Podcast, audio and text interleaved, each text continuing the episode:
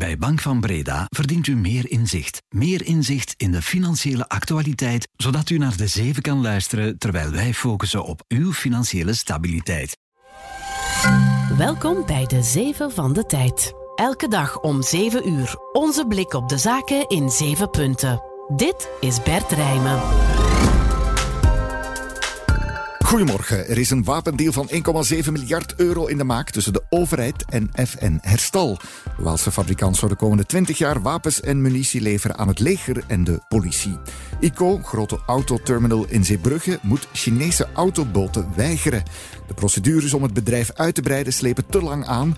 Daardoor is er capaciteit tekort, zegt de directeur van ICO. En vanaf volgend jaar wordt het veel duurder om zonnepanelen te installeren op recente woningen. BTW-tarief was daar tijdelijk verlaagd naar 6, maar het wordt nu weer 21 procent. Het is donderdag 19 oktober. Welkom. De Zeven van de Tijd. 1. De regering De Croo wil een deal van 1,7 miljard euro sluiten met de Waalse wapenfabrikant FN Herstal. Blijkt uit een nota van de inspectie Financiën die onze collega's van Leco konden inkijken. FN Herstal zou de komende 20 jaar lichte wapens en munitie leveren aan het leger en de politie. Niet alleen de Waalse fabriek in Herstal zou daarvoor uitgebreid worden, ook de fabriek in Zutendaal in Limburg profiteert mee van het contract. De deal is wel nog niet helemaal rond. Minister van Defensie Ludivine de Donder hoopt dat dat nog lukt voor het einde van het jaar. Tijdcollega van de politieke redactie Wim van der Velde. Goedemorgen. Goedemorgen. Waarom is die deal zo belangrijk, Wim? Wel, de oorlog in Oekraïne heeft geleerd dat de Achilleshiel van de westerse coalitie het gebrek aan munitie en wapens is. En dus moet men proberen de productiecapaciteit op te drijven. Maar bedrijven, defensiebedrijven, willen dat enkel maar doen als ze een beetje zeker zijn dat ze die productie kunnen blijven volhouden ook al is de oorlog in Oekraïne afgelopen. Vandaar is het belangrijk dat er lange termijn contracten worden afgesloten, zoals dit contract van 1,7 miljard euro over een periode van 20 jaar. En er is meer. Men heeft ook gezocht naar internationale coalities. De buurlanden is gevraagd om ook bestellingen te plaatsen bij FN Herstal, zodat die zeker zijn dat er toch een afname is van de hogere productie die men beoogt. Mhm, opvallend, Wim, de regering heeft dat ja, langlopende contract aan FN Herstal toegewezen zonder openbare aanbesteding. Kan dat zomaar? Ja, dat klopt. Men beroept zich daarbij op een artikel uit het Europees Verdrag dat zegt dat dat ook mogelijk is als het gaat over essentiële veiligheidsbelangen. Mhm. Toch is de inspectie van Financiën een beetje sceptisch over die redenering, omdat het gaat over een contract van 20 jaar en je schakelt dus de concurrentie voor 20 jaar uit. Mhm. Wil de regering met die deal ja ook niet vooral de eigen industrie bedienen? Ja, daar komt het inderdaad wel op neer. Minister van Defensie Ludovine de Donder heeft daar ook nooit een geheim van gemaakt dat dat een prioriteit is in haar beleid, het heropbouwen van de Belgische defensieindustrie. Vanzelfsprekend is dat van belang voor Wallonië, omdat daar uh, het merendeel van de defensieindustrie gelokaliseerd is. Mhm. Maar het past toch ook in de strategische bedenking dat defensie wel degelijk iets is dat eh, van nationaal belang is. Dankjewel, Wim. Graag gedaan. 2. De voorbije uren zijn op verschillende plaatsen in het Midden-Oosten weer duizenden mensen op straat gekomen na de raketaanval op een ziekenhuis in het noorden van de Gazastrook, waarbij honderden doden vielen. Er zouden nu wel hulpgoederen worden toegelaten in Gaza. Zowel vanuit Israël als uit Palestina wordt met een beschuldigende vinger gewezen naar elkaar voor de verantwoordelijkheid voor die aanval op het ziekenhuis. De Amerikaanse president Biden zegt dat uit zijn gegevens duidelijk blijkt dat het om een raket gaat die door Palestijnse militanten is afgevuurd. Biden riep Israël tijdens zijn bezoek ook op om zich niet te laten verteren door woede na de aanval van Hamas en de fouten te maken die Amerika heeft gemaakt na 9-11. Na een telefonisch onderhoud tussen Biden en de Egyptische president Al-Sisi heeft die laatste toegestaan dat hij tot 20 vrachtwagens met humanitaire hulp de grens met Gaza zou laten oversteken. Vrachtwagens zullen wel streng gecontroleerd worden en de hulp zal verdeeld worden door internationale hulporganisaties. Die zeggen dat er eigenlijk tot 100 vrachtwagens per dag nodig zijn om voldoende hulp te bieden aan Gaza. 3. ICO, een grote autoterminal in de haven van Zeebrugge, loopt een belangrijke deal mis met het Chinese BYD. Probleem is dat de vergunningsprocedures om uit te breiden te lang aanslepen. De huidige capaciteit van 100.000 auto's is niet meer genoeg, nu er plots veel meer Chinese, vooral elektrische auto's naar Europa komen. De aantallen stijgen exponentieel, zegt Mark Adriaansens, de directeur van Autoterminal ICO. Ja, dat zien we inderdaad. Enkele jaren geleden uh, waren we nog geen auto's die bijna binnenkwamen, Chinese wagens.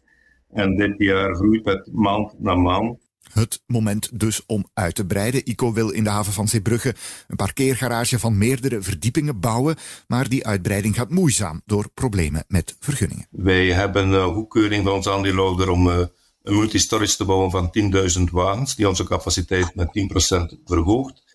Maar het probleem is inderdaad vergunningen krijgen. Wij uh, zijn al deze zomer bezig om daar een vergunning te krijgen. Nu blijkt dat wij een merkrapport moeten maken een milieueffectrapport. Vroeger kregen we daar een uitzondering in. Nu moet dat toch wel zijn weg aan.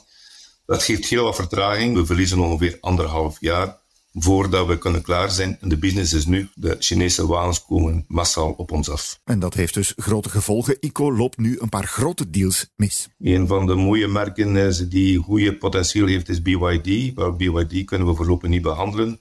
Die zitten nu in Amsterdam en Rotterdam.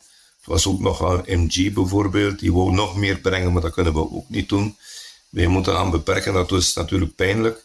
Als je zo opportuniteiten ziet om binnen te komen, zeker in de stijgende markt, dat je daarvan niet moet zeggen. En voornamelijk door het feit van tekort aan capaciteit, tekort aan uh, vergunningen, de traagheid van de verschillende administraties die daar nodig zijn. En ik denk ook dat het uh, stikstofverhaal daar niet uh, een effect op heeft, in tegendeel. 4. En we blijven in de autosector, want de elektrische autobouwer Tesla kwam gisteravond met kwartaalcijfers. Daaruit blijkt dat de prijzenoorlog die Tesla zelf is begonnen, het bedrijf meer pijn doet dan verwacht. De bruto marge uit de productie en verkoop van auto's is gezakt tot net geen 18 procent. Analisten hadden 19 procent verwacht. En het is ook veel lager dan de 25 procent van een jaar geleden. De kortingspolitiek lijkt stilaan op zijn limieten te botsen. Topman Elon Musk wil door de prijzen fors te verlagen vooral de verkoop opdrijven, ook al leiden de winstmarges daaronder. Maar de kortingen lijken enkel te werken voor de budgetmodellen. Die verkoop is meer dan een kwart gestegen. De Model Y is in veel westerse landen, waaronder België, momenteel de best verkochte auto. Bij de duurdere modellen hebben de kortingen minder effect. Tesla verliest daar terrein aan concurrenten zoals BMW, Mercedes-Benz en Audi. Door de kortingen ligt de operationele cashflow met 800 miljoen dollar nu ook driekwart lager dan een jaar geleden. Volgens Musk is de stijgende rente een groot probleem, omdat veel klanten hun Tesla via een lening kopen en daarom wordt de bouw van een nieuwe fabriek in Mexico voorlopig ook uitgesteld. Na veel vertraging begint Tesla trouwens op 30 november wel met de levering van de Cybertruck. Van die elektrische pick-up truck, die er, laten we zeggen, nogal robuust uitziet, zouden er ruim een miljoen bestellingen zijn. 5. Zonnepanelen installeren op een woning die nog geen 10 jaar oud is, wordt vanaf volgend jaar een pak duurder. Het verschil kan meer dan 1000 euro zijn. Hoe komt dat? Wel, de federale regering heeft tijdens het begrotingsakkoord beslist om het tijdelijk verlaagde btw-tarief voor die recente woningen van 6% niet te verlengen. Het wordt opnieuw 21%.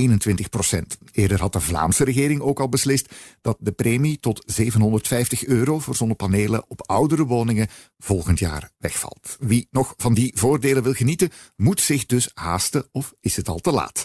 Tijdcollega Jasmin Heijvaart van onze netto-redactie heeft een rondvraag gedaan bij installateurs. Goedemorgen, Jasmin. Goedemorgen, Bert. Begrotingsakkoord is al tien dagen oud. Jasmin, hoe komt het eigenlijk dat we nu pas iets horen over die maatregel? Wel, er was sinds 2022 een verlaagd btw-tarief van 6% in plaats van 21% op zowel zonnepanelen, zonneboilers en warmtepomp. Die maatregel was er tot eind dit jaar. En vorige week besliste de regering in haar begrotingsakkoord om enkel het verlaagd tarief voor warmtepompen met een jaar te verlengen.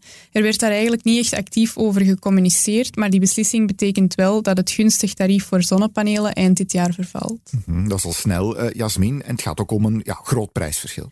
Ja, als we bijvoorbeeld kijken naar een gemiddelde installatie, zo'n 8600 euro, dan komt de BTW onder het verlaagde tarief van 6% op zo'n 516 euro. En bij het normale tarief van 21% zou dat 1806 euro zijn. En dat is een verschil van zo'n 1300 euro de moeite toch. Uh, Jasmin, wie nog zonnepanelen wil, moet zich haasten. Dus, maar ja, lukt dat dit jaar nog? Is er ja, een soort van stormloop nu?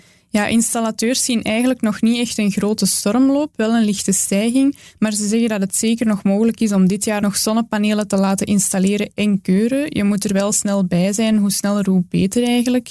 Afhankelijk van installateur heb je ongeveer een halve maand tot een maand om de zonnepanelen te bestellen en ze dit jaar nog te laten installeren. Voor het verlaagde BTW-tarief is de factuurdatum van belang. Maar let wel op, als je van de Vlaamse premie wil genieten, is de keuringsdatum van belang. Dus daar moet je erop letten dat de panelen nog dit jaar gekeurd moeten geraken. Mhm, dat verlaagde BTW-tarief wordt enkel voor recente woningen weer verhoogd. Hoe zit dat precies? Voor woningen die ouder zijn dan 10 jaar geldt sowieso een permanent BTW-tarief van 6 mm En voor woningen die jonger zijn dan 10 jaar geldt normaal gezien een tarief van 21% maar dat werd dus tijdelijk verlaagd naar 6 Ja, enkel wie een recente woning heeft dus moet zich haasten om nog van dat verlaagde btw-tarief te kunnen genieten. Dankjewel, Jasmin. Graag gedaan. 6. Het Belgische cybersecurity-bedrijf Cyberwolf trekt naar Amerika.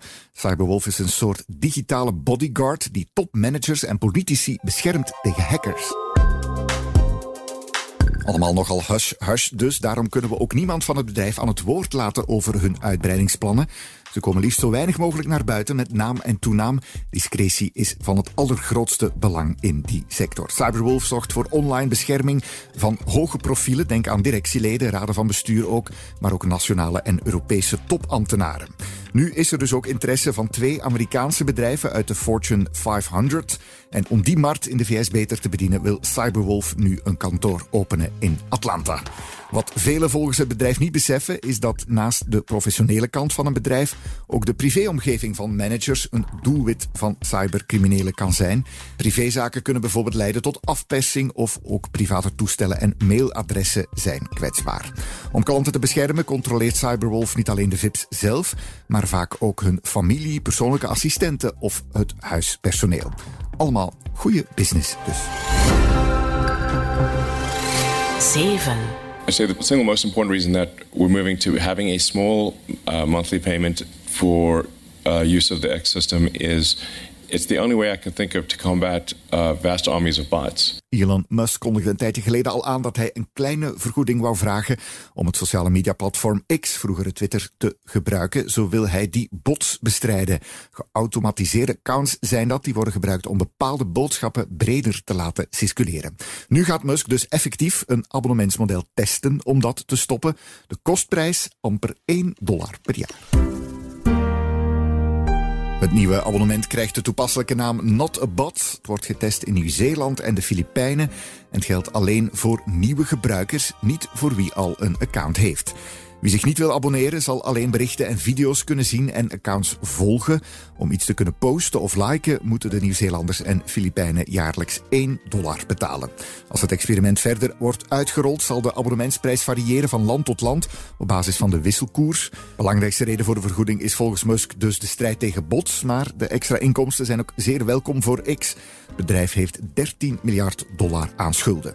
Zowel adverteerders als de Europese Commissie maken zich ook zorgen over de massale desinformatie op het platform, bijvoorbeeld over de oorlog tussen Israël en Hamas. X riskeert daarvoor zelfs als eerste bedrijf een sanctie omdat het de nieuwe EU-technologieregels zou overtreden. Daarmee zitten zeven van vandaag er weer op, maar we zijn hier bij de tijd ook weer gestart met een kerstfestseizoen van de Beursvailleurs, onze beleggen podcast. Eerste gast van dit seizoen is sportjournalist Maarten Brex, die is vol lof over EVS, het Luikse beeldtechnologiebedrijf dat zo'n beetje de hofleverancier is om het internationale voetbal in beeld te brengen. Heb je daar een aandeeltje van in je portefeuille steken? Wel ja, het is uh, een van de weinige uh, Belgische aandelen waar ik eigenlijk al echt plezier aan beleefd heb. Uh, nogmaals, het ging vaak ehm, eigenlijk niet echt een, een, een, een goede of een minder goede kant uh, op. Ik heb het ook nog maar een jaar. Ik heb het gekocht vorig jaar in oktober. Want dan heb je een mooie winst, hè? Dus dan heb ik inderdaad een mooi rendement van nu, wat is het, 25 procent. Ja. Dat is mooi, inderdaad. Benieuwd naar de andere inzichten van Maarten Breks en analyse van de experten van de tijd en de belegger?